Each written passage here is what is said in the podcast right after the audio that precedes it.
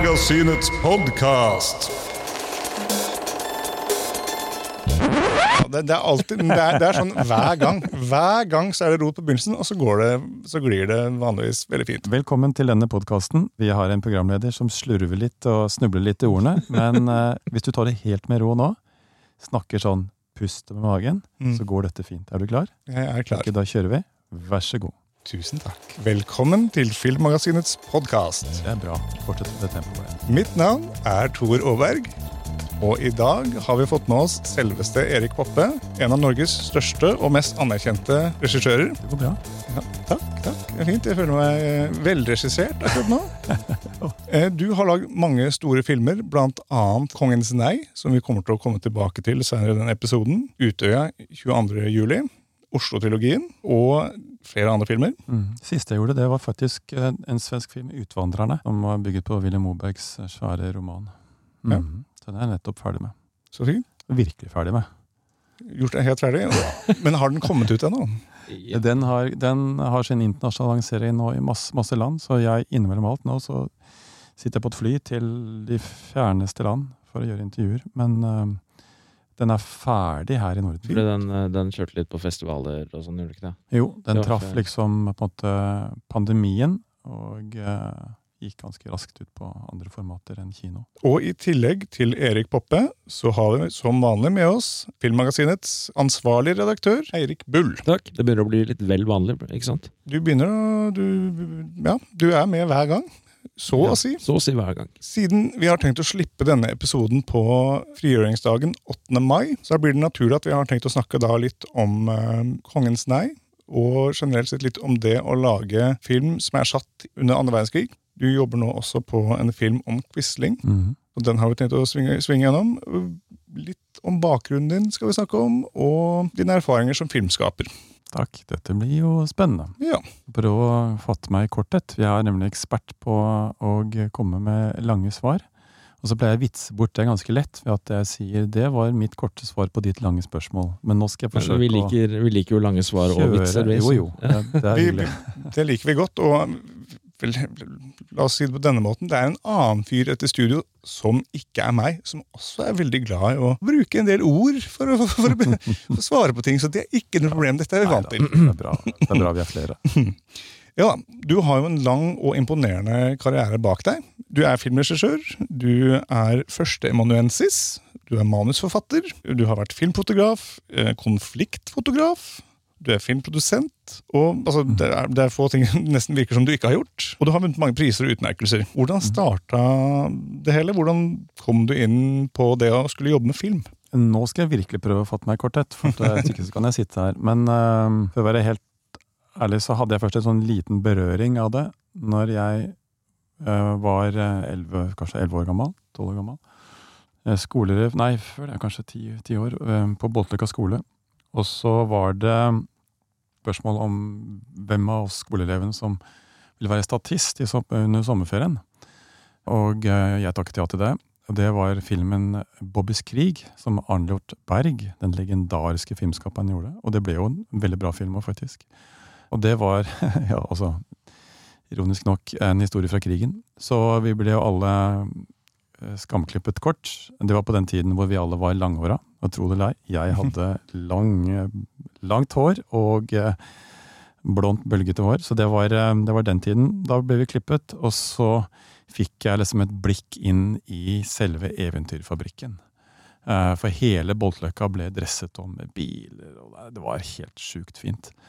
Og etter det, de neste årene, så husker jeg når jeg fikk meg liksom mopedlappen, eller fikk en moped, ikke lappen den gangen, så kjørte jeg ut til Jar, Finnbakken, og så surra jeg rundt der, og så sto jeg så kikka jeg inn gjennom gjerdet på liksom alt det magiske som skjedde der inne. Da var jeg vel 16. Så det, det syns jeg var liksom Det satte seg. Men så var det andre ting som tok over, og i de neste årene så begynte jeg å skrive veldig mye. Så jeg skrev og uh, tenkte at uh, hva er det liksom Hva skal jeg bli når jeg blir stor? Og det var nok liksom i retning journalistikk. Så jeg trodde jeg skulle bli journalist. Og så fikk jeg først en jobb i Klassekampen. Fordi det var på den tida hvor, når man vokste opp i Oslo, så eneste lokalavisen vi hadde, var Aftenavisen, og Aftenposten, og Klassekampen. Der fikk jeg jobb, og så jobba jeg der og skrev der. Og så ble jeg enda eldre, og så ut av gymnaset. Og eh, så fikk jeg en sånn eh, spalte i Aftenposten eh, litt seinere, som skulle portrettere folk, skrive. Og da måtte jeg begynne å fotografere, for da sa de at du fikk ikke lenger med deg fotograf. Og det førte meg inn i det med å snuble over noe tilfeldigvis, nemlig fotografiet. Og da var jeg, var jeg liksom på Blindern, og og så ble jeg helt sånn manisk. Foto. Det var bare helt fantastisk medium. Så jeg fikk råd av noen fotografer i avisen her, om å liksom se da på det, se da på Eugene Smith, se da på Cartier-Bresson, kikk på liksom noen portretter av Richard Davidon og sånn, og så begynte å se litt. Og da tenkte jeg bare dette var vilt spennende. Så da førte jeg inn i fotografiet, og så kombinasjonen av det eh, gjorde at jeg ble ansatt som fotograf og jobbet i VG som førte meg til Reuter. Så jeg jobbet der på 80-tallet. Og da Først var det veldig fint i VG, men før jeg ble fast, så hadde jeg liksom spedert litt inn og ut av Reuter. Og så fikk jeg liksom lyst til å gå enda mer mot utenriks- og konfliktfotografi, som jeg hadde en del med å gjøre. Og det fortsatte jeg også med etterpå. Men uh, på et tidspunkt så ble jeg dårlig. Jeg ble sendt hjem uh, fra Sør-Amerika, Colombia, og så liggende på Ullevål i nesten et halvt år og kikke opp i taket så lurte jeg på hva gjør jeg nå? Hva er det neste trekket? Da hadde jeg hatt liksom en sju-åtte år rundt omkring. Mye her hjemme i Norge, men også mye konflikt ute, som jeg syntes var det mest spennende. Så skulle jeg fortsette, så måtte jeg gå helt inn for det. Men når noen av mine andre kolleger um, ble dårlige, like på meg, eller som uh, ble skada, så tenkte jeg at um, enten så kommer jeg til å dø av dette, eller så skal jeg kutte ut. Fordi det midt imellom, det er å ikke være god nok. Du må liksom inn med alt du har. Nå var ikke jeg den som likte å være helt framme i fremste frontlinje, men, men, du kan ende opp hvor som helst. Men jeg lærte i hvert fall at å forberede ting, sette opp, forberede, liksom, planlegge alle trekk, eh, hvordan jeg skulle håndtere, hvordan man oppfører seg der ute, hvordan du setter opp historier. Og eh, engasjementet for å fortelle de historiene, først og fremst de menneskene som bodde i disse konfliktområdene, konfliktsonene, få det ut, få det hjem, få det til aviser rundt omkring. Da ble jeg liksom grepet av den form for historiefortelleren i meg. Men jeg så jo også at mye av det materialet, de bildene jeg sendte hjem, ble brukt eller radbrekket, eller jeg ble liksom ikke noe særlig glad for presentasjonen av det. Så når jeg lå tilbake igjen da når jeg lå på det sjukehuset og kikket opp i taket og tenkte hva skal jeg gjøre nå? Skal jeg satse alt eller ikke? Og da valgte jeg at eh, vet du hva, jeg må komme meg videre. Da var jeg de yngste. Jeg var de aller yngste den gangen som ble sendt ut i konfliktene, og i løpet av de årene så var jeg blitt veldig gammel på en måte i hodet. Men uh, da tenkte jeg hva er det ok, jeg liker egentlig det å skrive, fortelle med ord, og det med bilder. Begge som hva skal jeg velge? Og så fant jeg ut at film er jo egentlig kombinasjon av begge. Altså, og så er det jeg selv som er redaktør og utgiver og alt. Så da begynte jeg å høre med noen folk. da. Film, hva gjør jeg da egentlig? Så jeg kom tilbake igjen og fortsatte å jobbe, men da begynte jeg å sjekke veldig grundig, forberede på liksom, hva er neste trekket. Snakket jeg med en filmfolk i Sverige, i Danmark, i Norge. Alle sa liksom prøv å se om du kan søke deg på en filmskole. Veldig vanskelig å komme inn, da hadde ikke vi noe i Norge, men DI, Dramatiske instituttet i Stockholm, og Danske Filmskolen. Eller National i London. Og kanskje høyest var DI akkurat da. Kvaliteten var veldig bra på det. Og Stockholm passet meg bra.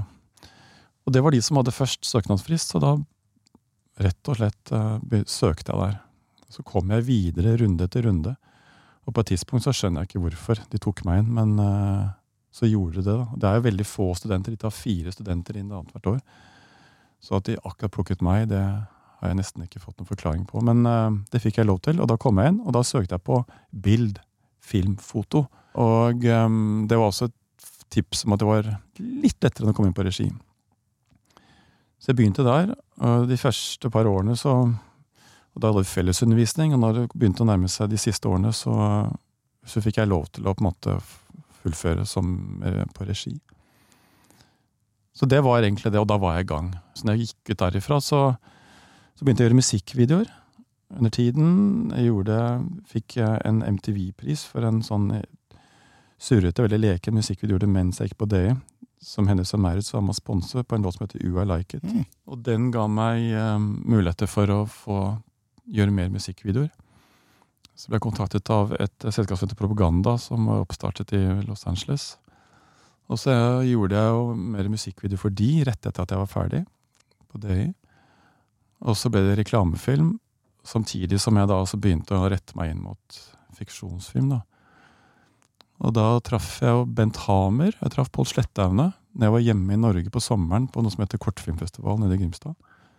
Der, det var jo Jeg tenker liksom folk snakker om som filmskolens betydning for det norske filmmiljøet, som jeg tror er veldig, helt avgjørende.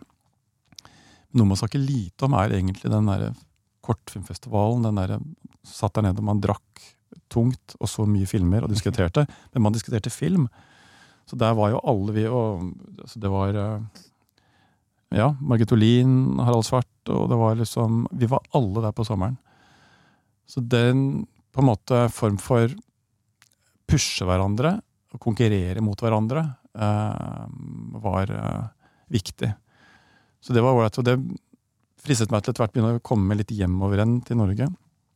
Så gjorde jeg det, og da var jeg på en måte egentlig i gang. Da begynte jeg, og traff jeg eh, Finn Gjerdrum, som produserte filmene sammen med Bent. Eh, vi gjorde Eggs. Vi debuterte på den. Da var nesten bare vi tre.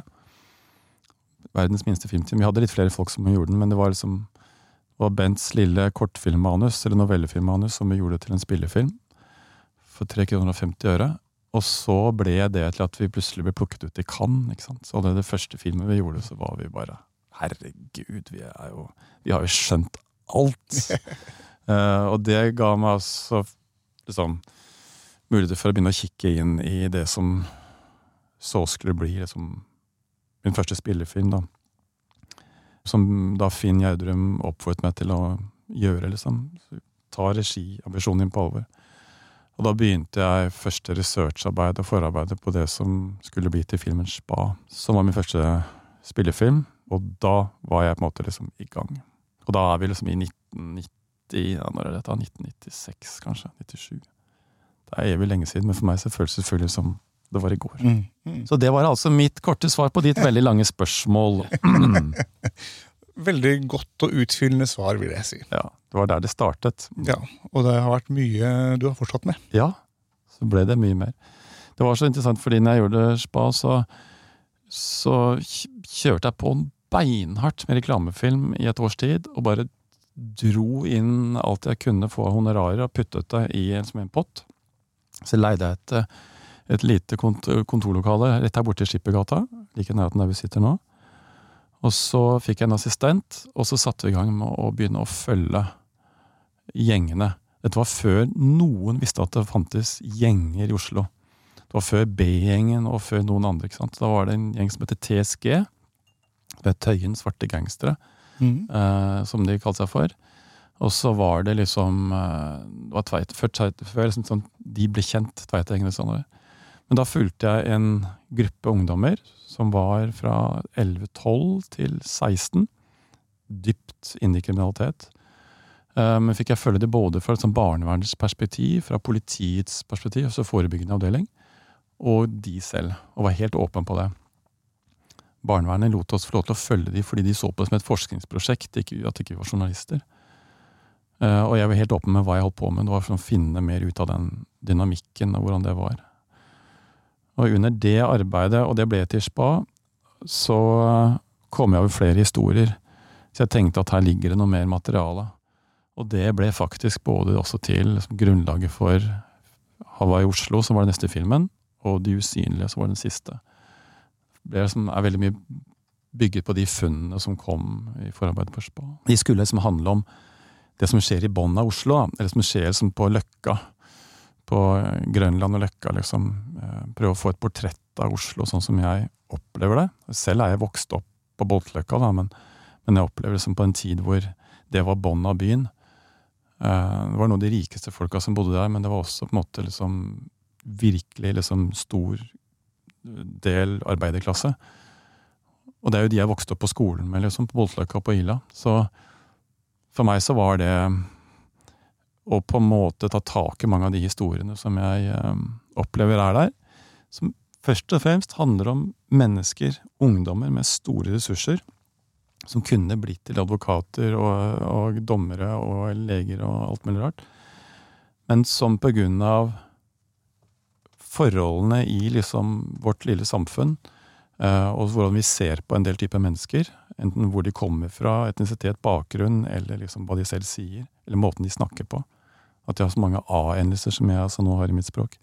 Så mye at det blir sånn Nei, de der er ikke så Så da skjedde det mye her i byen. Jeg husker blant annet at uh, jeg holdt på å klippe spa. Jeg har sagt at den filmen har jeg gjort nesten litt affekt, liksom, fordi det handler om disse gutta da, som blir brukt til å, til, å, til å, transportere dop i sekkene sine rundt omkring i byen og få betalt og sånn. Det var det de gjorde. Og så mens jeg satt og klippet filmen, så plutselig så bestemte bystyret seg for at de skulle kutte ut leksehjelp til seks sentrale skoler i Oslo sentrum, Gamle Oslo. Så de fikk ikke lov til å ha leks leksehjelp, det ble som stengt ned. Tro det eller ei. I det samme møtet så bestemte de seg at de skulle ha gratis parkering i Oslo sentrum på lørdager pga. handelsstanden. Så det var liksom en slags sånn byttehandel, og det Da ble jeg så forbanna. Så da hadde jeg klippet filmen, og Spa har egentlig en lykkelig, en mer sånn happy ending.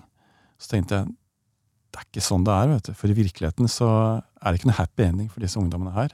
De er helt avhengige av treffes og møtes. Skolen er en sosial arena. De går ikke der for å lære, men de går for å være sammen med kompiser. Og eh, denne leksehjelpen var liksom eneste muligheten deres for å få hjelp til å komme med seg gjennom skolen. Så det provoserte meg så mye at jeg plutselig så klippet jeg vekk. Tror vi fjernet 20, de siste 20 minuttene, tok vi vekk. Så når det er på som verst, så klipper jeg til svart. Og så har jeg bare noen tekster etterpå som sier hvordan det gikk med disse gutta. De fiktive gutta, da, men bygger jo på virkeligheter. Så tenkte jeg sånn er det. Altså, det, er, det er ikke alltid Det er ikke noe happy ending på dette hvis ikke vi er med til å hjelpe til, eller putte de ressursene inn overfor disse miljøene. Sånn at de kan få til å blomstre som alle andre, som på andre deler av byen. og sånn. Hvor man har foreldre og alt annet, og sterkere skolemiljøer da. Jeg skjønner veldig godt hvordan du finner det provoserende. Jeg har selv jobbet i skole i en god del år, ja. og med ulike, ulike, sosiale lag. Så jeg har vært borti noe av den problematikken. Så jeg, ja, jeg er helt mm. enig i at det er ekstremt provoserende. Å ta vekk leksehjelp er en viktig Ja, det er det, altså. Men jeg merker også det at eh, da kommer jeg til sånn kjerne, fordi her kommer stikkordet, første stikkordet som jeg tror kanskje preger veldig mye av de tingene jeg går løs på. Og det er hvor relevant er dette? Altså, Som historie, fortelle. altså ting er jo å lage noe som bare skal liksom stryke deg medhårs og si liksom dette er bare deilig, liksom, det er bare en tripp. Og jeg mener at vi skal gjøre de filmene. Vi skal gjøre det som kalles for ganske hodeløse. Alt må ikke være viktig. Alt må ikke være betydningsfullt. Alt må ikke være relevant. Men for min egen del så merker jeg at, at jeg jobber så mye, så intenst. Det er liksom seks dagers innimellom sju dagers arbeidsuker. Og det går ikke bare over måneder, det går over et år, halvannet år. Det tar meg to år, to og et halvt år å gjøre en film. Og skal jeg noensinne kunne liksom møte blikket til ungene mine når de er store og sier 'hvor ble du av', så skal jeg i hvert fall føle at jeg har gjort noe som i hvert fall er litt relevant. Som på en eller annen måte ikke endrer dette samfunnet, men som i hvert fall kan være med og slippe noen dråper og gjøre det kunst og film kan og skal måtte gjøre innimellom. Det er å riste oss litt, ikke sant? vekke oss litt og si shit, dette her skjer på en måte. Det presenteres såpass realistisk og troverdig at du får liksom noen tanker med deg ut. da. Så det er liksom den gamle journalisten. ikke sant? Det er han som ville fortsette å, ta redaktøransvaret for historier som tross alt skjer der ute. Og jeg på en måte er mikrofon, jeg, jeg bringer, mikrofonen, jeg bringer de historiene fra de som skjer, til publikum. At jeg på en måte bare er et sånt mellommedium i det. Det er på en måte rollen. Og da blir det litt relevante ting, da. Så det har jeg merket eh, at jeg, jeg har veget meg for å når jeg snakker om de amerikanske prosjektene eller franske prosjektene som jeg har fått tilbud om, og noen av de har jeg liksom eh, brukt en del tid på, to har jeg sagt ja til, men, men det har vært eh, Da jeg måttet virkelig ha kontroll. Da må jeg være filmmaker, jeg kan ikke være director for hire. det må bety noe for meg. Det må bety noe for oss. Jeg tenker at det må være liksom noe som er villig til å riste litt, da. Men Mm. hvis du gjør det, og har det relevansen med deg, så har jeg samtidig enorm respekt for underholdningen. nemlig. Det må jo også underholde, det må jo være fristende.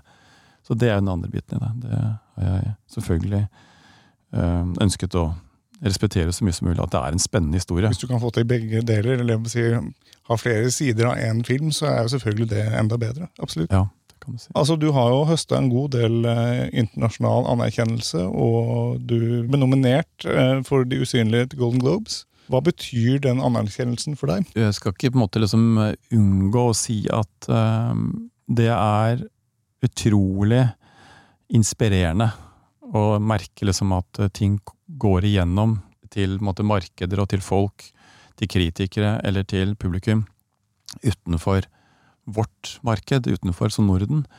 Så det gjør jo noe. Det er jo inspirerende. Men på en eller annen måte så handler det om altså Det er bare viktig å få, få med seg at det, det finnes én stor løgn eh, når en film lanseres, eller når jeg liksom dukker opp rundt en film.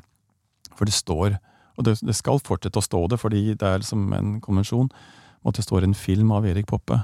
Senest nå, bare for eh, noen timer siden, så så jeg skisse på noen plakater til Quis- Quisling som, hvor det står en film av Erik Poppe. Og det ville nok måtte stå, men det er jo egentlig den største løgnen, fordi det er jo en film gjort av ja, 500-600 mennesker. I en film jeg gjorde, så er det en film gjort av over 2000 mennesker som har stilt opp for å få denne filmen på plass. Så det er jo et kollektivt arbeid. Og det å da dra og få en pris, eller dra til Tokyo eller til Shanghai og få liksom bli kåret til en æresdoktor og, og få alt dette her, som en såkalt prominent internasjonal filmskaper, så merker jeg at ehm, jeg har mennesker rundt meg som på mange måter ser meg i øynene og minner meg på at dette er ikke meg. Dette er vår fortjeneste. Så når vi får bli nominert til shortliste shortlistet til en eh, Oscar eller til Golden Globe og alt annet, så, så er det noe som er veldig inspirerende for meg, men noe jeg, liksom, jeg bare må med en gang dele med alle. Altså siden vi er, vi er nominert. Mm.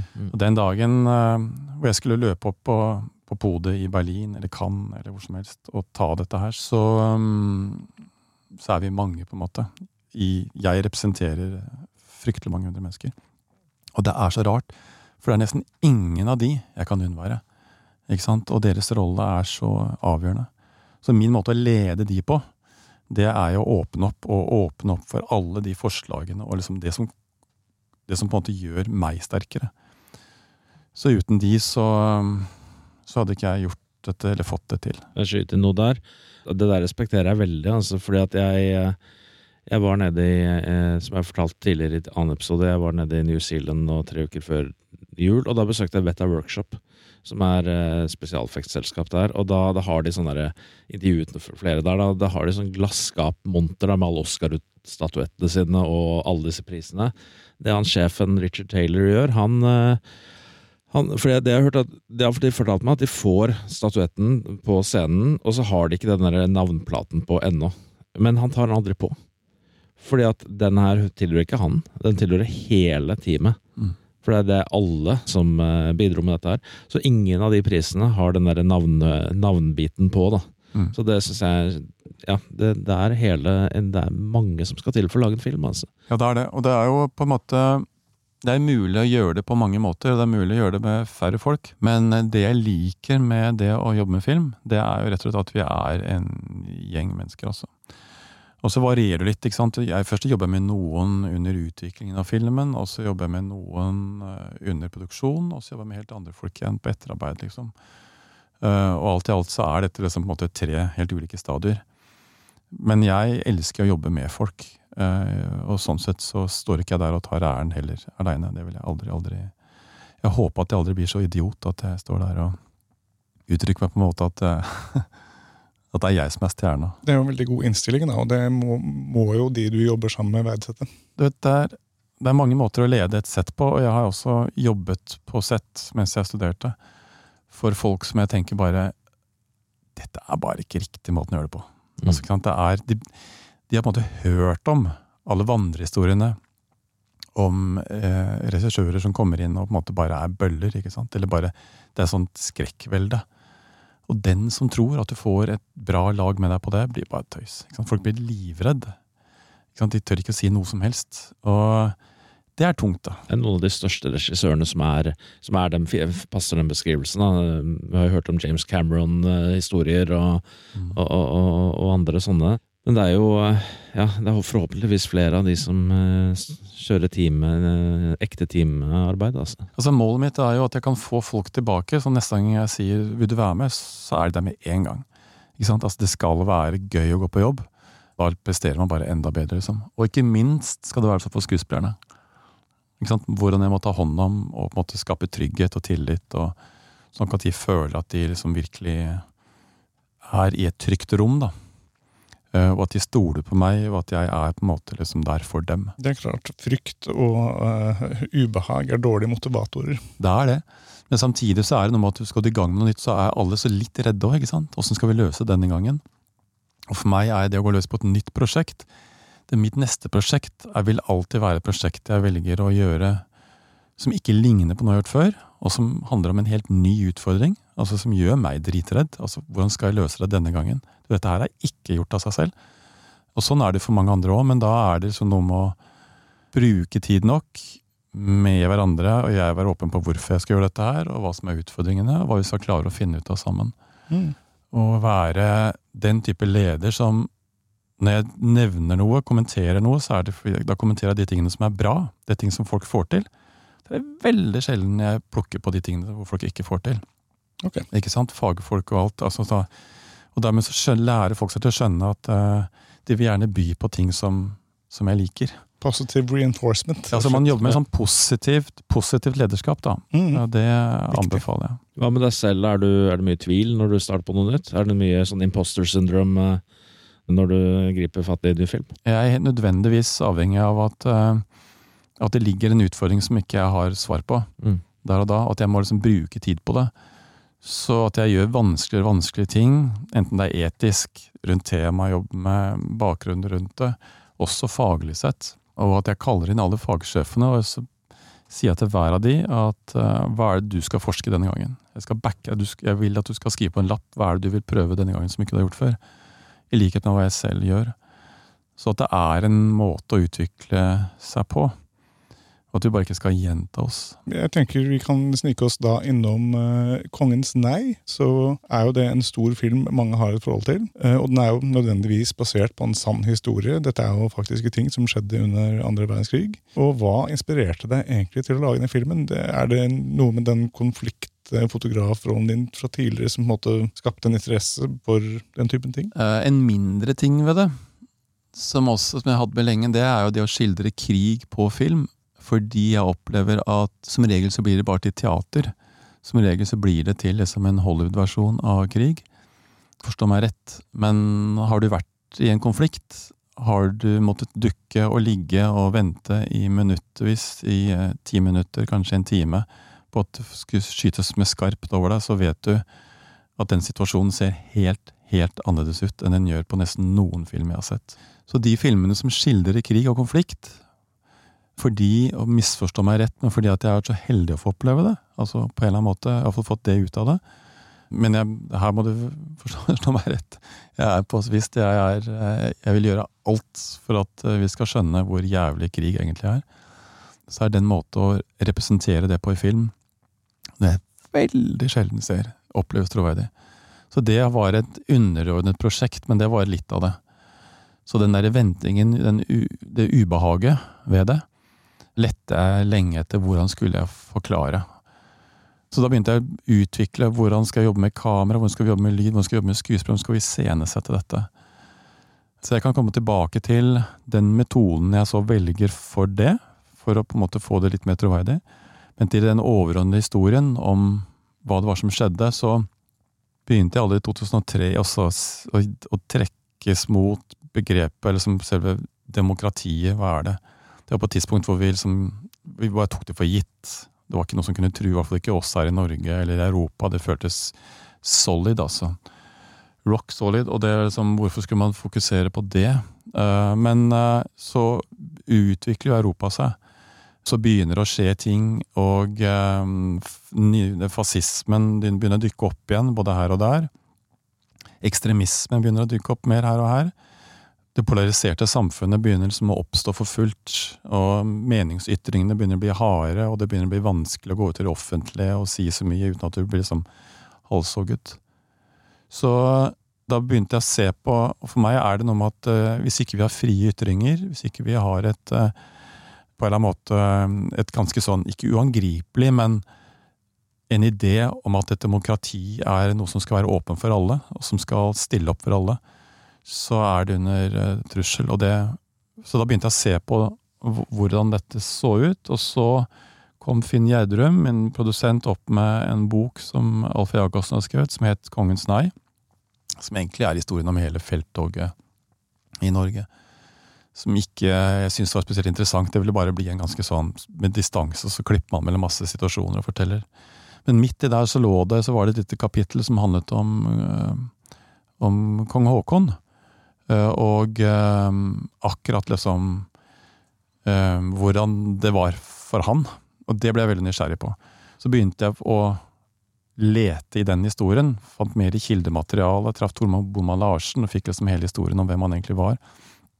Fordi så ville jeg begrense det i tid, så det kunne bli mer, mer intenst. Liksom, hva er det mest formative, viktige tiden for han og for oss som nasjon? Eh, og for demokratiet vårt. Og det var jo selve øyeblikket hvor vi ble angrepet. Altså hvor, liksom, hvor sterke var vi, hvordan står vi mot det? Det klarte vi jo ikke. Hvilket system hadde vi, og hva tok vi for gitt? Og det ble på en måte utgangspunktet for den historien. Og da var det liksom å bestemme seg for at eh, ok, jeg skal ha kong Haakon som én person, og så skulle jeg ha den tyske sendemannen, eller ambassadøren. De to skulle jeg følge. Bare de, på en måte, egentlig. Og så måtte jeg legge til uh, Blücher. Fordi det var ikke så mye fortsatt, Kongen opplevde ikke så mye krig. Men jeg ville jo ha med meg bakteppet hva krig er. Så da tok jeg en sekvens ute på senkning av Blücher, eh, og så fylte jeg til slutt også denne unge soldaten, som Arthur Hakalati spiller så fantastisk godt, syns jeg, i eh, han derre livredde fyren som sitter oppe og venter på Midtskogen. ikke sant? Verdens største militærmakt kommer mot disse gutta, som knapt har skutt med noe skarpt. Hvordan er det, da?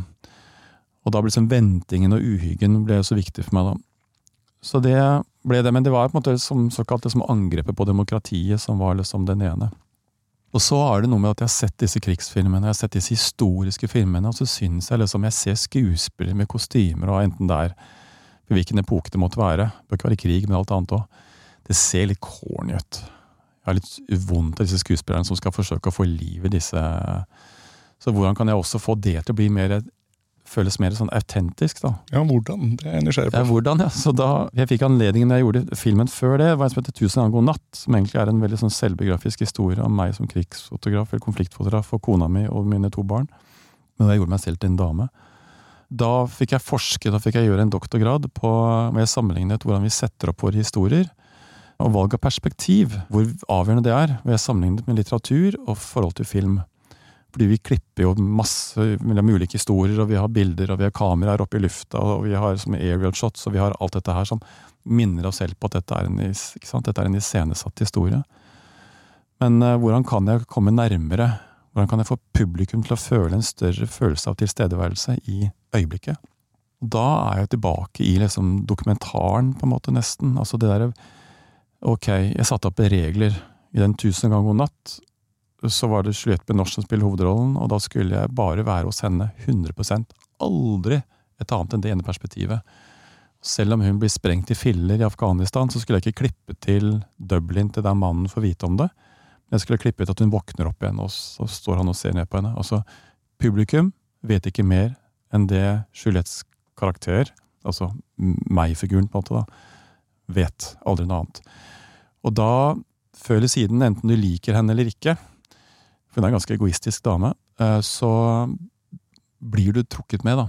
Og det å på en måte lage et nytt sett med regler for hvordan sette opp historier, veldig strenge perspektivvalg, dro jeg med meg i Kongens nei. Så da, da, det aller meste var ikke lov til å gjøre den filmen. Aldri lov til å putte kamera på et uh, track, på noe dolly eller noe som helst. Aldri på en kran.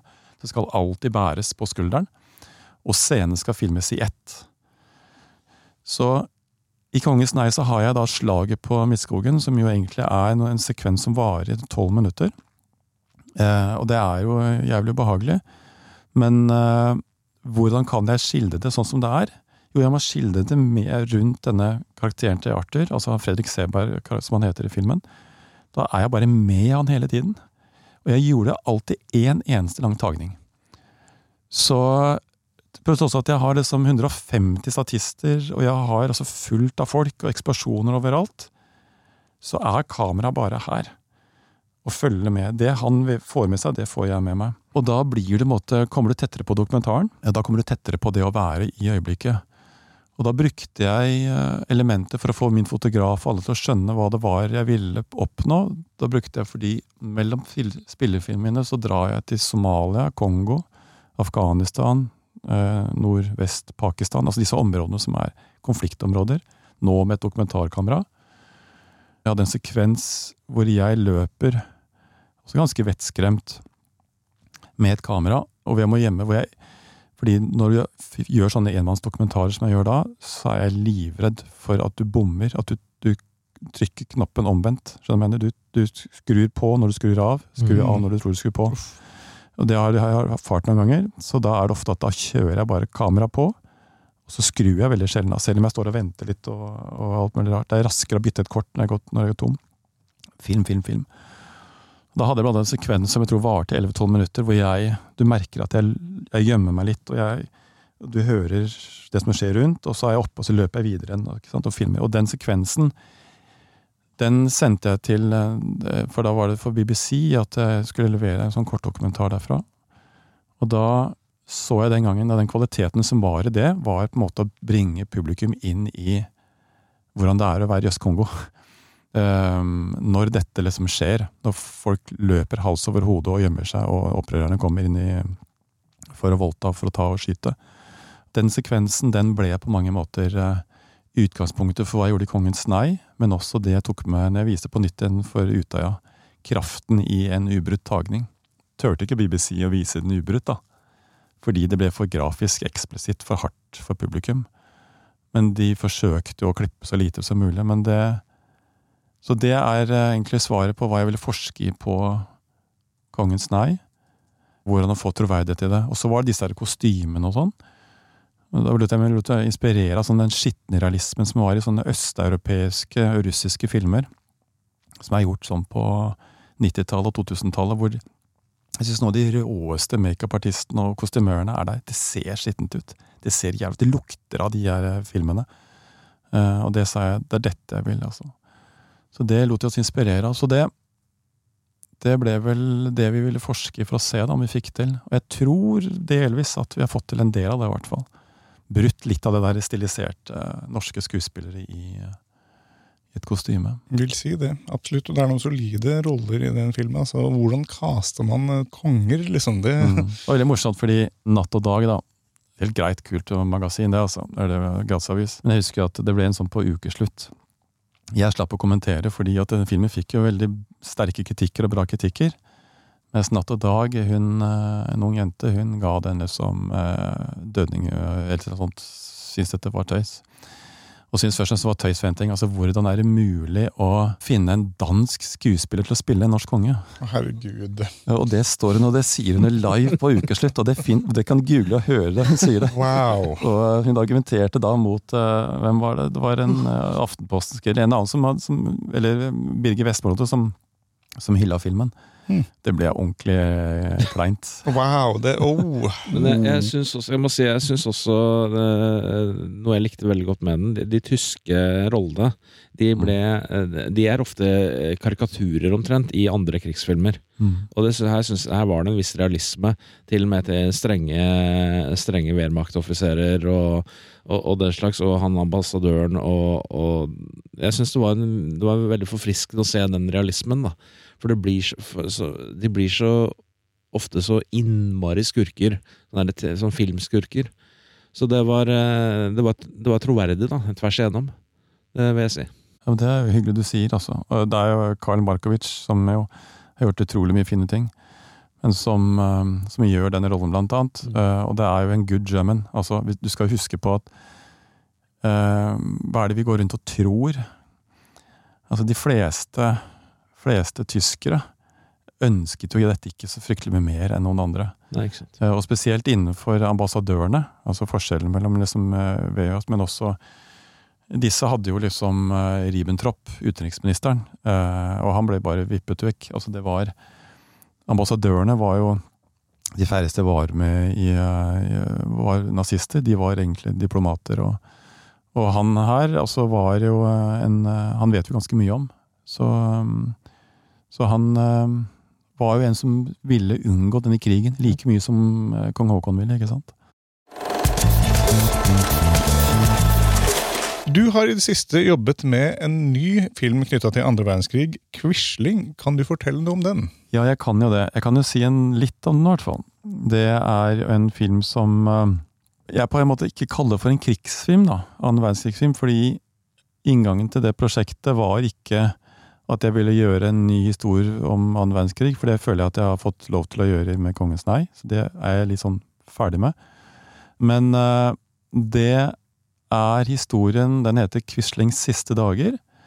Den kommer ikke på kino eh, i Europa før høsten 24, altså om eh, litt over et år. Den skal ha en internasjonal premiere i februar, tror vi. Så da skal jeg ha filmen ferdig. Men eh, det er eh, en historie som Jeg har gått og, som sagt, i snart 15, nei 20, 20 år snart, eh, lurt på denne Quisling-historien. Eh, Hvem var han? Og etter, etter 22. juli så ble det helt klart at liksom dette begrepet Quisling, eller forræder, landsforræder, og en midt iblant oss, hvordan kan han gjøre dette? Så det har jo liksom ligget litt der, men det som da har skjedd, er jo at vi har kommet inn nå, spesielt de siste årene, i en tid hvor en Trump, hvor en Putin, hvor en Viktor Orban, hvor folk i Polen, hvor folk ikke minst i Italia og deler av Frankrike og andre, eh, ser vi liksom tegn på, veldig ofte menn da, ikke alltid, men som på en måte med antidemokratisk, autoritært vis tar seg til rette. Ehm, og på en måte tar over makt, eller tillater seg å styre eh, så på grensen av hva man kan kalle for, eh, ja, i hvert fall uh, uakseptabel, udemokratiske metoder. Og hvem er disse? Hva er det som hva befinner seg i hodet deres? Og i disse dager med Putin, liksom, så har jeg tenkt hvordan ville det være om jeg hadde gått inn i en heis, og så hadde det stått en annen person der, og mellom to etasjer hadde den stoppet, og så i en og en halv time så hadde jeg stått der, og så vist at det var Putin. Altså, dette er jo bare en tankelek. Ville jeg ha fått han til å skjønne at noe av det han gjør, eller sier eller tenker, er feil? Resten av verden mener det motsatte av dem.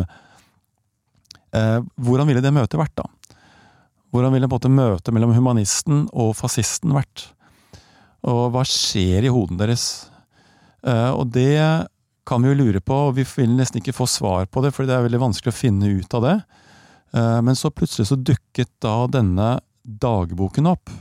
Fordi Quisling regnes for å være en av de tydeligste, mest kjente, også internasjonalt eh, personlighetene som representerer forræderiet. Det største sviket.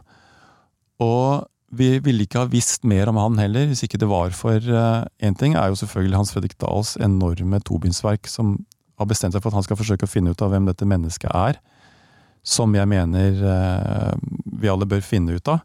Skal vi hindre at dette kan skje igjen, og tro meg, det kan skje igjen, så må vi liksom bestemme oss for å forsøke å skjønne hva det var som skjedde. Skjønne hvem han var. Og når jeg begynte å se mer på det, så kom jeg over en dagbok. Og det var utslagsgivende, fordi den dagboken det er en dagbok skrevet av presten, som blir sendt inn i cella til Vidkun Quisling for å være hans sjelesørger. Det handler ikke så mye om religion, men det handler om hva er det som skjer inni hodet til Vidkun Quisling. Og den han åpnet seg for, Sin liksom konfidant var denne presten, og denne presten skrev altså en dagbok. Det skal en prest aldri gjøre. Det, altså, du kan miste embetet ditt hvis, hvis, du blir tatt i det, men han gjorde faktisk det. Og vi kan jo takke han for det i dag, fordi den dagboken belyser de samtalene og den reisen som Vidkun Quisling gjennomfører fra han ble arrestert til han ble henrettet. Uh, I de altså, nesten for de innerste tankene hans, og hva han tenker om det. Og viste han noen tegn på anger? Viste han noen tegn på skyldforståelse av at det han gjorde, faktisk var feil? Og det vil filmen vise. Den vil i hvert fall vise, den vil ikke vise det hele anger-anger, men den vil vise liksom den reisen, hva som skjer i hodet på han. Så det er en film som handler om mye mer enn bare møtene i seg cella. Vi følger både Peder Olsen, spilt av fantastiske Anders Danielsen Lie. Vi følger jo uh, Vidkun Quisling, uh, utført av Guy Deidsvold, på en måte som gjør at uh, at han bør rydde peishylla, fordi dette her er en enorm prestasjon. Og Gard har jo i flere tiår vært en av våre aller beste skuespillere, så hvorfor han ikke har fått gjøre en så stor hovedrolle før, det skjønner jeg ikke, men det, dere bare holder fast, dere skal få se han. Uh, og mange flere veldig veldig gode skuespillere. Så det, det, har vært et krevende prosjekt. Etisk, og sånn, hvordan balanserer man dette? For man må jo nødvendigvis gi denne figuren taletid. Men når det er sagt, så er det jo i hvert fall ikke et forsvarsskrift. Og jeg, med på en måte både mitt politiske ståsted og som humanist, står så langt unna hvilken Quisling man kan tenke seg. Men jeg skjønner, mener allikevel at det er helt avgjørende at vi liksom nå går inn og ser på den historien. Og så tenker jeg en liten kommentar rundt dette med film, fordi det er så rart. Altså, det å gjøre en film når Hans Vegg Dahl har skrevet over 2000 sider, så vil plutselig en film få en sånn definisjonsmakt som, helt, som slår ut det skrevne ordet, liksom. Det merket jeg også på Kongens nei, at hvor mye man enn har skrevet om kong Haakon og om krigen, så gjør man denne filmen. Og plutselig så sitter en hel generasjon nå og synes at kong Haakon ikke ligner på Jesper Christensen. For det er Jesper Christensen som er kong Haakon. altså, men man, man, merker jo at liksom at man får en definisjonsmakt og gjennom, gjennomslag hos folk, et stort publikum. Uh, og det gjør at jeg går inn i den oppgaven med enorm respekt for å forsøke å gjøre en så sannverdig og troverdig framstilling som mulig. Da. Jeg vil ikke flytte eh, folk til å være noen andre enn det de er. Jeg forsøker å være så tro jeg bare kan mot karakterene og mot det vi vet skjedde. Og Det gjorde vi i Kongens nei, og det gjorde jeg i Ute 22. juli, og det forsøker jeg også å gjøre her. Da. Så de få omskrivningene vi har, det er som har helt andre årsaker, men da har jeg fått historikeren alle til liksom å godkjenne det. da. Så, så hvis den blir fortalt sannferdig og troverdig, denne historien om Vidkun Quisling, så mener jeg nok en gang at, og håper at dette er en relevant historie som handler om vår tid. Like mye som det handler om krigsoppgjøret. Da. Man får et innblikk i hans person øh, og hans historie som jeg tror veldig få har. Ja, og det rare er at selv folk i min generasjon er jo som Vi har jo vokst opp med at uh, han ble demonisert og var som et monster og var egentlig bare ute etter eh, penger og makt og gift med to dager, damer samtidig og greier. Det har vi veldig lite å lære av, eh, og historisk sett så er det også ganske lite interessant. For det er, ikke, det er ikke det vi skal lure på. Det vi skal lure på er hvordan et menneske som blir så sterkt ideologisk drevet, da, og som på en måte ble, han ble opprinnelig radikalisert i sin tid i Russland på 20-tallet, vet Han trodde først på revolusjonen, han trodde på bolsjevismen. Han trodde på, han ble kjent personlig venn med Trotskij og Lenin. ikke sant? Og så ender han opp med å liksom gjøre alt han kan for å hindre at den bolsjevismen skal spre seg til Norge og sånn. Så det er jo en slags gåtefull historie. En fyr som også jobber for Nansen, som gjør at Nansen får fredsprisen, og han er jo en, en av de mest sentrale Nansen har. Som humanist, og ender opp som fascist. Hvordan er det mulig? Jeg har ikke det fulle svaret på det, men vi har ganske mye. Og det får jeg håpe at denne filmen kan belyse. Mm, det blir veldig spennende å se. Vi kommer sikkert til å snakke mer om den uh, når den kommer ut. Mm. Skal jeg bare si en annen ting? Skal jeg komme med en nyhet? For all del. Ja, ja. Denne har ingen fått før. Breaking her. Ja, det er breaking fordi når vi holdt på med den filmen like før vi skulle opptak, så fikk vi tilbud om å gjøre en TV-serie av dette. Og det syns jeg var nitrist og kjedelig. For det, å, det folk gjør da, er at de bare tyner materialet, og så blir det en TV-serie. De legger til litt ekstra, såkalt. Så det fikk jeg produsenten med til å si nei, det sa jeg nei til. Men, men så sa jeg men ok, de pusha litt, for det var jo penger som vi trengte for å lage filmen, egentlig. Ok, men vi kan gjøre det på denne måten her, da. I filmen så følger vi to personer, men i TV-serien følger vi tre. Da legger vi til én, nemlig historien om Maria Quisling. Så da får vi enda et perspektiv. Og hvis vi i tillegg gjør det på en måte Jeg har et klippeteam. Jeg har Einar Egeland som klipper spillefilmen. Jeg har eh, en dansk fantastisk komponist og en dansk fantastisk lydlegger som står klare med filmen. I midten så er jo databasen med alt materialet inni. På høyre side der borte der sitter det en klipper som skal klippe TV-serien. Og han har tilgang, men ikke gjennom brannmuren, så han får ikke vite hva Einar gjør som skal lage filmen. Mm. Einar får ikke vite hva han skal mm. gjøre som lager TV-serien. Interessant. Uh, og uh, TV-serien har også en egen komponist og en egen lydlegger. Så det er, det er, to helt frie tolkninger av dette materialet. Uh, og allerede nå så ser jeg at de jobber jo helt forskjellig. Så det blir jo to veldig ulike historier. Og så er det noe med at ikke minst da som sagt i TV-serien så kommer da også denne Maria Quisling-figuren mye mer tydeligere fram. Så skrevet for TV-serien. Så det blir to veldig forskjellige produkter. Og det har vi funnet at det har iallfall aldri skjedd i Europa før, så vidt vi vet. Så er det også for nerder og for eh, filmfolk og seriefolk så interessant å se på hvordan det er mulig. Wow, ja, Nå merker jeg at jeg har veldig lyst til å være med og lage film igjen. så, ja. Liker den, eh, den der behind, hvordan behind scenes, hvordan ting funker. Veldig men, interessant å måte, høre måten du gjør det på. Du tar én historie, men klarer å splitte det i to og se forskjellige perspektiver. Det er jo genialt. Jeg ser, nå kan jeg være litt synsk. Ok, vær litt synsk. Ja, jeg ser for meg feature-artikler om akkurat dette mm -hmm. i vår fremtid. jeg skjønner ikke hva du mener. Nei, altså En sammenligning når alt er ute. Ah, yes. Ja. Mm. Det skal vi få til. Ja. Mm. Det er litt sånn som det var med Utøya. Da ønsket jeg jo på en måte å gjøre hele den filmen i én lang tagning. Og hvorfor gjorde jeg det? I hvert fall så jeg fikk liksom klausel på at vi skulle ikke nevne det og kommentere det eller bruke det på noen måte, for jeg syns ikke det var vesentlig. Det er klart at For filmfolk så er det interessant å se på hvordan det er mulig å iscenesette hele den i én ubrutt lang tagning. Men for meg var jo det eneste målet med å gjøre det på den måten, var jo at det fantes en ekstra karakter i den historien, og det er jo tiden tiden dette angrepet tok. De 72 minuttene uavbrutt som det ble angrepet, i tillegg til at du hadde fortommen av en innledningshistorie. Du hadde 110 minutter uavbrutt lang tagning.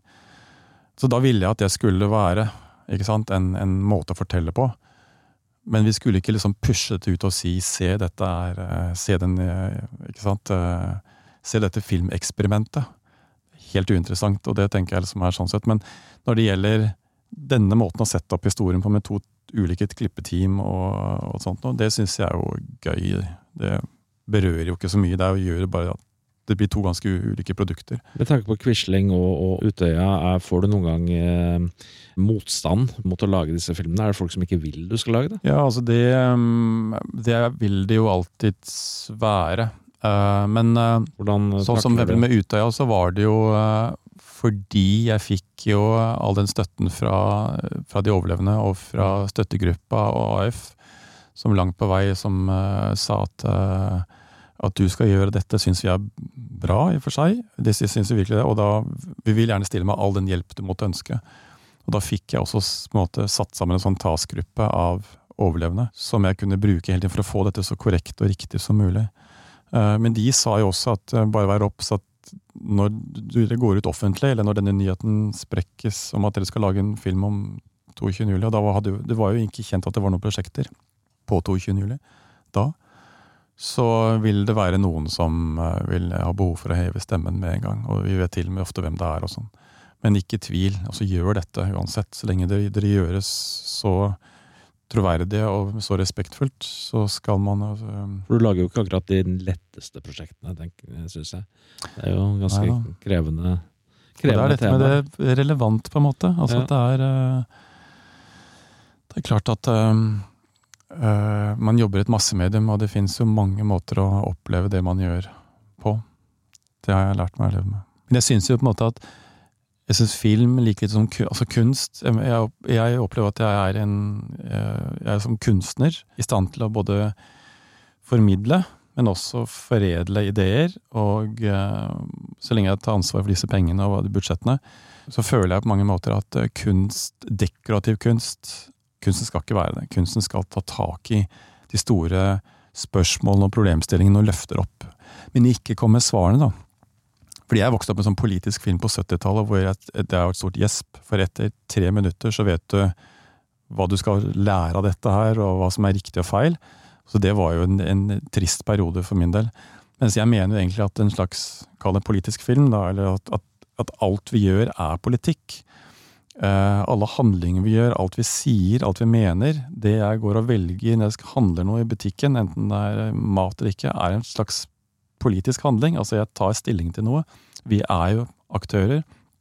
Og sånn sett så, så lever vi roller i et stort samfunn, og kunstnere har da som oppgave å ta tak i noen av de største utfordringene med det, løfte det fram. Uh, men ikke komme med svarene. Så når folk sier ja, men uh, 22. juli, liksom. Du sa ikke så mye om hva vi kan gjøre for å unngå at dette skjer igjen. Nei, det er jo ikke Det kan jo ikke en Jeg har noe bedre svar på enn deg, men jeg mener at vi må ta tak i det. Vi må snakke om det. Med kongens nei på samme måte, liksom. Eh, og det Sånn, sånn må vi leve. Og da er det noen ganger at det kan bli angrepet, ikke sant? Fra en eller annen retning da, som mener at dette er galt. Når vi hadde visning av 22. juli-filmen i Ungarn, så måtte jeg jo ha politibeskyttelse. Oi. Til og fra, fordi da var det liksom uh, bare bråk. Altså Da var det grupper som ville liksom altså få oppmerksomhet i mediene ved å lage bråk og hindre meg i å Det tok jo ikke mange snakke. år etter, etter 22. juli da det skjedde. Det var ikke mange årene det tok før disse holdningene begynte å komme tilbake i, i deler av samfunnet. Sant. Så ja. Men du må tåle å få en ørefik, og du må tåle å bli tatt for det. Og jeg er jo klar over det. Mm. For stikker du huet fram, og er du en del av offentligheten, så er det et brutalt sted å være.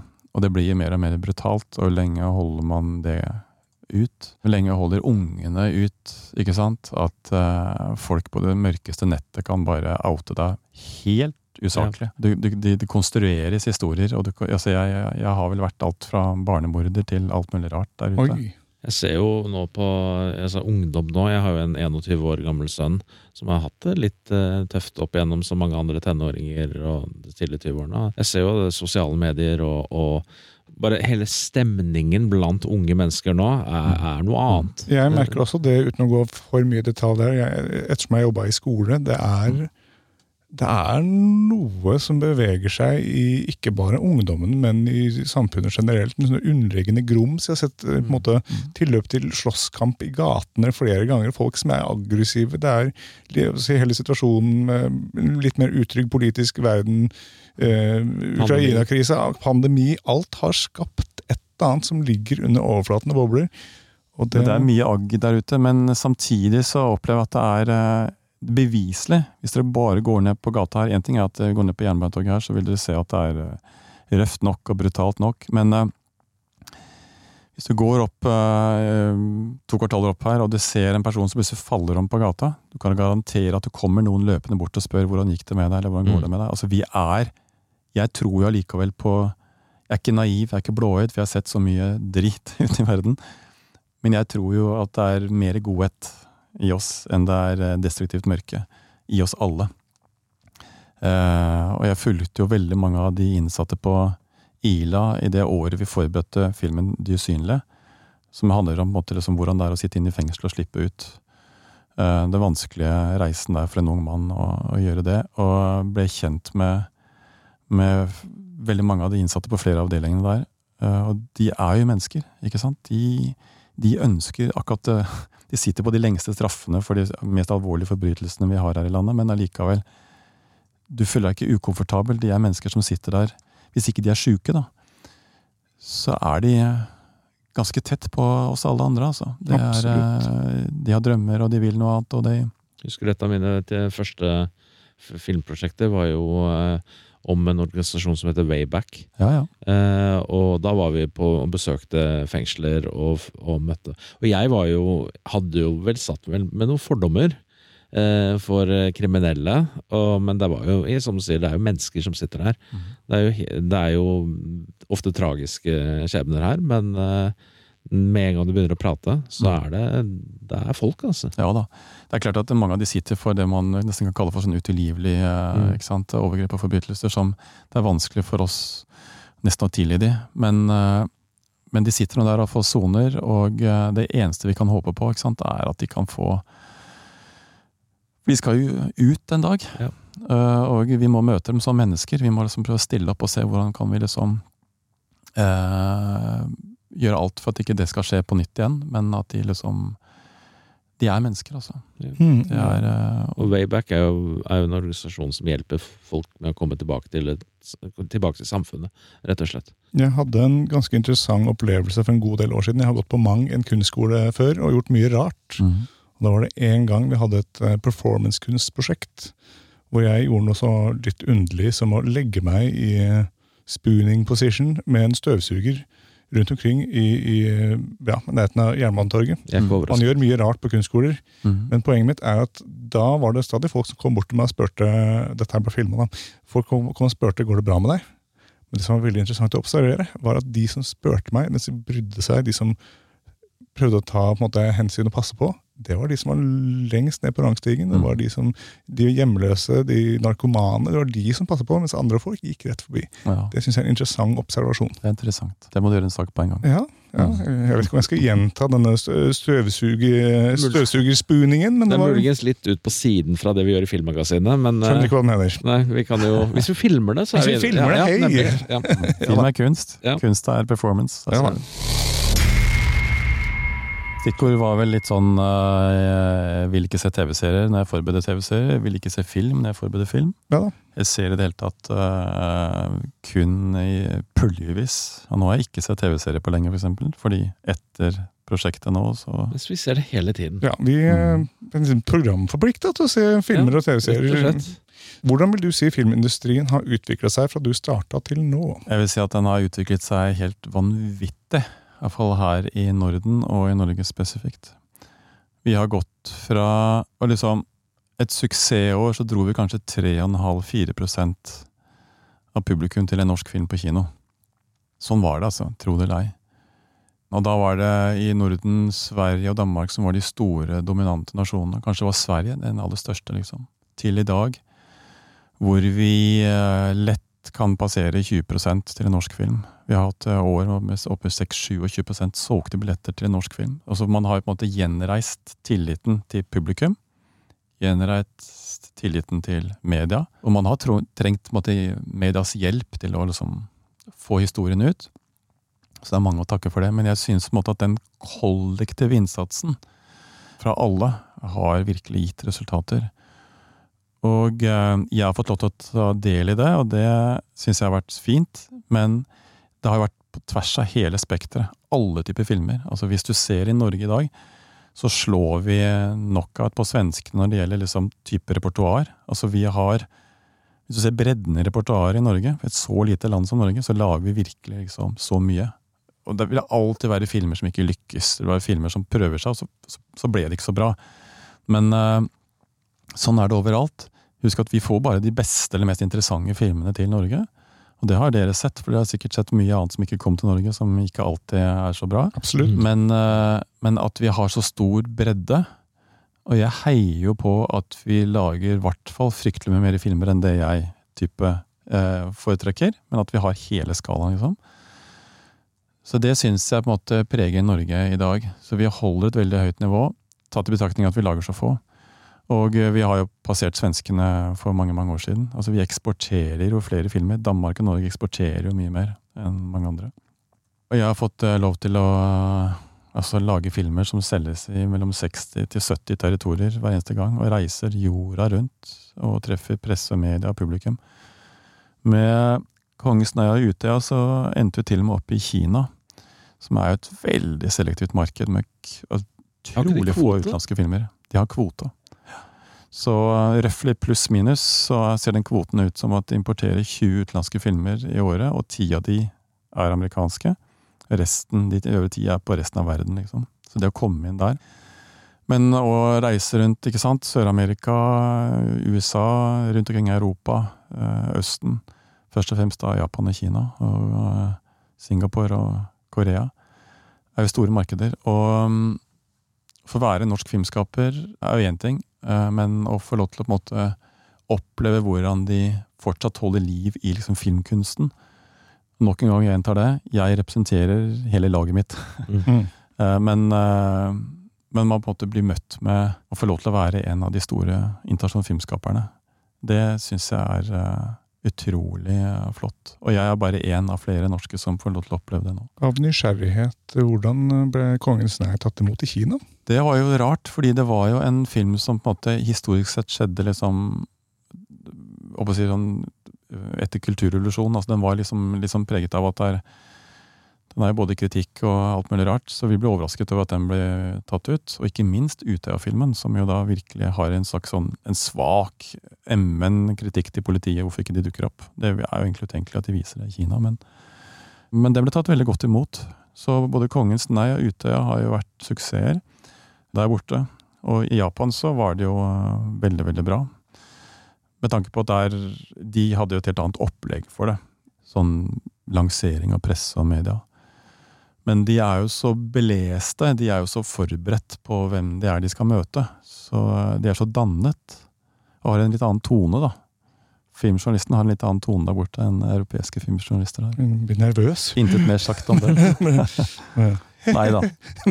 Nei, men altså, dere er jo trivelige. Dere er jo hyggelige. Dere er jo både kritiske og positive. Vi gjør så godt vi kan. Eh, så det, er, det, det skal man tåle. Mm. Har du noe råd til eventuelle fremadstormende regissører som ønsker å gå litt i dine fotspor? Hvis det helt det er mulig å gå i dine fotspor, det er vanskelig å si. jo, ja, men vet du hva? Jeg snakket om, altså La oss si at nøkkelordet for denne samtalen har vært liksom relevante historier. Det å ta tak i noe som er relevant. Så hvis jeg skal gi det et råd, så vil jeg tenke liksom Det går an med mobil å sette sammen og gjøre en film og få den ut. Altså Bare det å få oppmerksomhet. I dag er det mye lettere å få den ut på plattformer enn det var før. Men historien du skal fortelle, er kanskje det jeg ville sagt. Ta tak i noe du egentlig kjenner godt til. Én ting er å lage, iscenesette en sjangerfilm med noe helt vilt som du syns er dritkult. Men jeg ville nesten, for å lære seg liksom det å fortelle en historie og få den ut, ta noe du kjenner og har opplevd selv, noe fra ditt eget liv Sett gjerne inn noen kompiser, venninner og alt, og iscenesette. Men en historie som du selv vet ok, nå er det sant. Nei, det var ikke sant. Nei, det ble feil. Så du kan kontrollere det. For hvis du gjør noe som oppleves sant for deg, så oppleves det sant for andre òg. Og så er det en fin måte å komme inn i det på, fordi folk blir grepet av et sterkt materiale. Og sterkest er det når du forteller noe du faktisk liksom kjenner godt til. da. Og vi har alle opplevd liksom, øyeblikk i livet som, har vært, eh, som har vært eh, ekle, skumle, fæle eller sånn. Så uh, ta gjerne tak i det. Ta gjerne tak i noe annet, men det er i grunnen mitt første og viktigste råd, tror jeg. Og det andre er å få tak i folk som er bra og gode. Bedre enn deg. Omgi deg med gode folk. ja, det er jo det eldste rådet i boka. Men det gjelder jo ikke minst når man gjør film. Mm. Det er vanskelig å gjøre det helt alene. Det er generelt sett bra i livet. Er ikke sant? Ikke sant? Da tenker jeg vi kan gå til det eneste faste segmentet vi har, som er Har vi sett noen gode filmer eller serier i det siste? Og da kan vi begynne med deg. Ja, da er det så enkelt som at eh, når det gjelder TV-serier fordi etter denne, dette prosjektet Quisling-filmen jeg holder på med nå, så skal jeg i gang med en TV-serie. Så derfor så har jeg og det er jeg jo i utviklingen på. Så da kan jeg ikke se TV-serier. For jeg er så redd for å se noe som jeg plutselig syns er genialt, og så blir jeg påvirket av det og trekker det inn i det jeg holder på med. Så jeg har ikke sett serier på halvannet år, to år. Når det gjelder film, så er jeg nå kommet så langt i denne filmen at nå kan jeg liksom eh, Nå kan jeg se film igjen. Fordi jeg har tatt alle de kreative valgene, nå skal jeg bare gjennomføre det. Da er jeg ikke så redd for å bli påvirket lenger. Og da må jeg se meg opp på alt jeg ikke har sett det siste tre-fire årene. da. Og da ser jeg meg kraftig opp.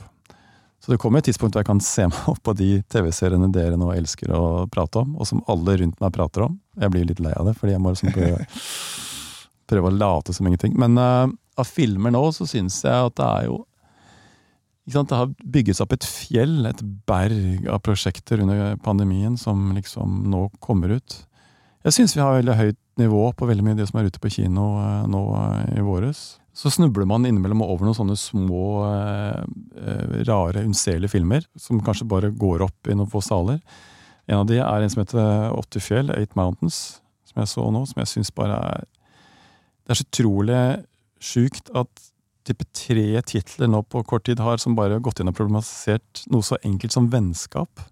Mm. Det har plutselig blitt sånn jøss. Yes, helt uten at de vet om hverandre, så har liksom man gjort filmer om vennskap. Du har, ikke sant den uh, Banshees of Insherin, som jo bare handler om noe, noe, så enkelt som et vennskap i oppløsning.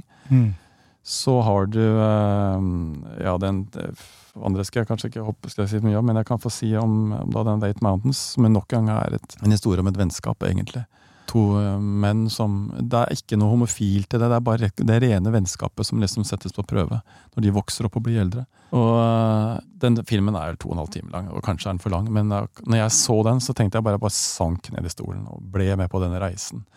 Utrolig kul uh, musikk gjort av en svenske som synger som han er en sånn erkedreven amerikaner. En jævla kule låter. Og den, den lander på, for meg, på et sted hvor jeg satt jeg satt aleine og så den filmen inne på Vega scene. Jeg hadde ti minutter, en kvarter i denne filmen, så tenkte jeg shit, hvis jeg i hvert fall kanskje har sett type 3000 filmer i løpet av mitt liv, for jeg har sett mye Jeg tror denne her hopper rett inn på min topp fem-liste, eller topp ti-liste et eller annet sted. Jeg tenkte, sitter jeg nå og ser noe som er så bra, liksom?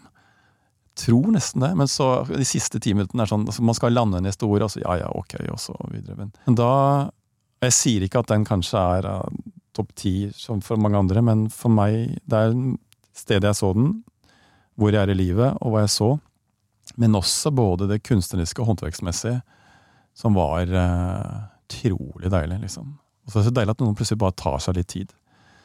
Så skulle jeg anbefale noe, så er det Ja, nå er jo 8. mai, da er jo den sikkert gått av kino, men uh, den har faktisk gått ganske lenge på kino, bare sånn én sal, to eller én visning på kvelden. Men det er én ting, da.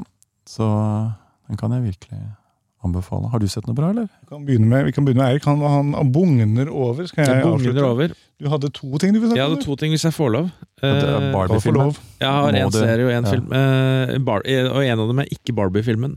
Uh, sett. Barbie-filmen kan være interessant, ja, for det er Greta Gerwig som har gjort den. Jeg så traileren i dag tidlig for den nye traileren, og jeg ble litt nysgjerrig, så jeg slapp ut et, en sånn derre um, Eh, et lite status på Facebook, den veldig aktive Facebook-siden til Filmmagasinet. Har, det er jeg som sitter bak alle sosiale mediene, og delte Barbie-filmens eh, nye trailer. og så sånn derre Blir dette her genialt, eller noe annet? Discuss. Og nå gleder jeg meg til å se alle svarene når jeg kommer hjem, eh, om det er noe, for det er veldig mange sterke meninger på den Facebook-siden.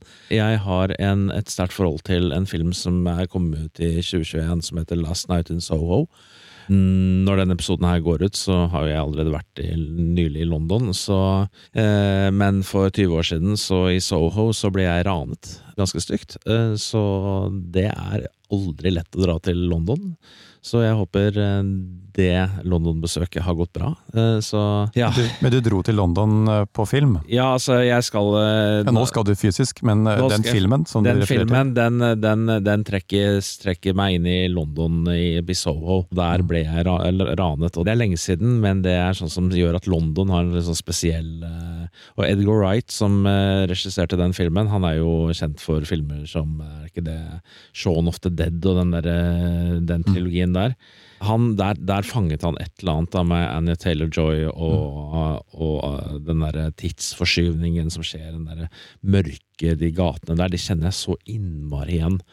Uh, men uh, hvis jeg skal nevne en serie Men du, Bare før du tar serien. Ja, ja, ja. Leser jeg deg rett at du likte den filmen? Jeg likte den veldig godt. Men Hva var det du likte best ved den? Hvis du bare, Åh, det, bare går inn og sier liksom, hvilket, uh, jeg, jeg husker, hvilket bilde eller øyeblikk? Jeg eller husker hva? jeg anmeldte den for jeg tror det var Cinema back in the day. Og nei, det var hele stemningen i den filmen som, som han, han Edgar Wright klarer å lage den derre det trykkende bybildet. Og, mm. og, og, den bare, det var en sånn dolk i hjertet mitt altså, da jeg så den, fordi at det var liksom Ok, nå er jeg tilbake her, ja. Mm. Det er ingen annen film satt i London som jeg har sett klart. Så jeg føler jeg, nå, nå blir jeg litt sånn der rar i øynene mine når jeg snakker om dette her. Men, men Hva slags sjanger er det? Det er en thriller. Litt sånn halvveis overnaturlig thriller. Fordi hun, ja. hun det er student som flytter til uh, storbyen for å bli designer. Mor er død, og føler at uh, moren snakker til henne stadig ser henne i speilet og sånn. Og, um, og, så begynner hun å se seg selv som en, uh, som en partyjente i, uh, satt fl i flere tiår tidligere. Og det er et eller annet som, eh, som, som Jeg skal ikke spoile dette her hvis noen ikke har sett den, men det er et eller annet sånn der, eh, nesten litt sånn urban Twin Peaks-aktig stemning i den. Mhm. Det sier jeg litt på grunn av sidemannen her. eh, Jeg Tor. elsker Twin Peaks. Ja, Og, og, ja, og, og Taylor Joy, ikke sant? Mm. Yep. Veldig eh, personlig, grusom, men veldig god film. Ja, litt sånn vanskelig å snakke om, egentlig. Ja. Men uh, jeg skal trekke fram eh, en serie jeg så eh, nylig ferdig. For da jeg snakket om den tidligere, uh, så hadde jeg ikke sett den i det hele tatt. Jeg skulle bare begynne å se på den, for jeg får jo masse screener inn. Og det er Silo. Den har jeg sett ferdig nå. Og det som var så stor glede å se, var at executive producer og de første tre episodene er regissert av vår norske Morten Tyldum. Så, så det er sci-fi, og det er, eh, det er sånn postapokalyptisk sci-fi om eh, noen som siste menneskene på jorda som bor nede i en silo som ingen vet hvem som har bygd. Eh, basert på en bok eh, som heter Wool, altså da eh, Ull. ull. ull. ja. Så eh, den kom på Apple eh, TV Pluss i mai. Høres mørkt og dystopisk ut. Ja, Noe det- for meg, med andre Noe for deg. Ja, riktig. Jeg er mer sånn positiv. Jeg trenger vel Barbie etter å ha snakket om dette her. Så. Mm. Spennende. Men Barbie ser, den ser smart ut, altså. Ja. Mm. Det er nysgjerrig på hva Filmmagasinets lesere mener om den. Jeg akter å fatte meg i korthet, Ja. men jeg skal anbefale en film jeg har sett for en del år siden. Jeg er redd jeg ikke husker hvilket år den kom ut, men filmen heter Nei, fy. Jeg vet, fy meg. Den heter The Fall. Og det fins flere filmer som heter The Fall. Det fins en serie som heter The Fall. Er det den med Michael Douglas? Det er ikke den med Michael Douglas. Det er Falling Down, var det. Ja, Falling Down, Det er en interessant film i seg selv, men The Fall er altså en historie om en stuntmann, tror på rundt sånn 50-tallet, 40-50-tallet, på et sykehus. Som ligger der og er ganske hardt skada og er syk. Og han møter etter hvert da en liten jente som også er på dette sykehuset. Og han begynner å fortelle henne de mest fantastiske historier. Og mye av filmen er visualisering av fortellingene han forteller henne. En veldig sånn episk sånn helte... Jeg håper si det gode mot det onde-historie. Og den er veldig vakkert filmet. Det er veldig surrealistisk og drømmeaktig, og ting forandrer seg ut ifra narrativet. Plutselig så er hun uenig. 'Å nei, han var for skummel'. Ok, da gjør vi han litt sånn. Og så forandrer det seg. Og det er noen helt absurde karakterer. Og det er paralleller til virkeligheten hele veien underveis. Det er en god, en god fortelling, fordi det er, for, det er en fortelling om fortelling. Og det Det er liker sånn godt. magisk virkelighet. Og, og det er jo en sånn tra, ja, det, det, er en magisk og tragisk virkelighet som ligger under. Da, fordi på en måte, Mm. man skjønner jo at det er bakenliggende, mer voksent og trist uh, historie rundt denne stuntmannen. Men den filmen vil jeg anbefale sterkt. Den er ekstremt visuell vakker, den er god fortellerteknikk. Og finn The Fall. Eh, Den er en spennende film. Fra år ukjent. Fra år ukjent, fordi eh, vel hukommelse og jeg er ikke alltid eh, de beste venner. Men ja, søk litt, finn The Fall. Den er bra. Takk. Yes. Du, Ja. synes jeg det var en veldig fin samtale. Ja, tusen takk. Veldig, Liksom. veldig hyggelig at du ville komme og, og ta en prat med oss. Ja, og jeg syns, eh, jeg syns du har eh, håndtert dette veldig bra. Du har pustet med magen. Ja da, Du har fulgt alle tipsene og rådene. Takk, takk. Eh, Vi skal ikke vurdere å bli sånn life coach på, på, på sida. Noen siste tips Bare for ring. videre neste episode du vil gitt? For hvem spør du? Spør Jeg du spør deg nå. om noen tips om Ja, for neste episode. Da skal vi ha Hivju. Ja, nei, altså med Hivju, nei, da gjelder det bare å surre han fast altså, til stolen, og så Kjør den hardt. ja. Altså, har- Skjenk han eh, så mye med drikke du kan, sånn at han må i likhet med meg nå etter hvert begynne å avslutte denne samtalen for å eh, ta en, et nødvendige ærend. Eh, Ja, vi er voksne menn. Mm, Han er yngre enn meg. Ja, ja, ja, det er han jo. Han bare oppfører seg som, en Det er skjegget. Det er Nei, vet du hva, han er kjempefin. fyr, altså. Mm. Ta hils han fra meg. Det skal vi Jeg har sittet uh, intervjuet han i halvannen time i, for uh, et drøyt år siden, Mm. på en kafé. Du har vel intervjuet han Jeg intervjuet han uh, en gang over nett, og, og i dag over telefon hvis vi forbereder samtalen til neste gang. Ja, men det er bra. Da løper jeg på Tusen eh, herrerommet. Gjør Ja, det. gjør det. Fint, ja. Tusen takk. Skal ha. Det. Ha det. Følg oss på Facebook under navnet Filmmagasinet, på Instagram under navnet filmmagasinet.no, på Twitter med at filmmagasinet, og nå, helt nytt, på TikTok med at filmmagasinet. Med oss i studio har vi Lilla Lyd, som styrer lyd og teknikk. Introvinetten er laget av Francesco Hygen Pudo. Tusen takk til Bauer Media for godt samarbeid og utlån av studio. Ansvarlig redaktør for Filmmagasinet er Eirik Bull, og mitt navn er Tor Aaberg.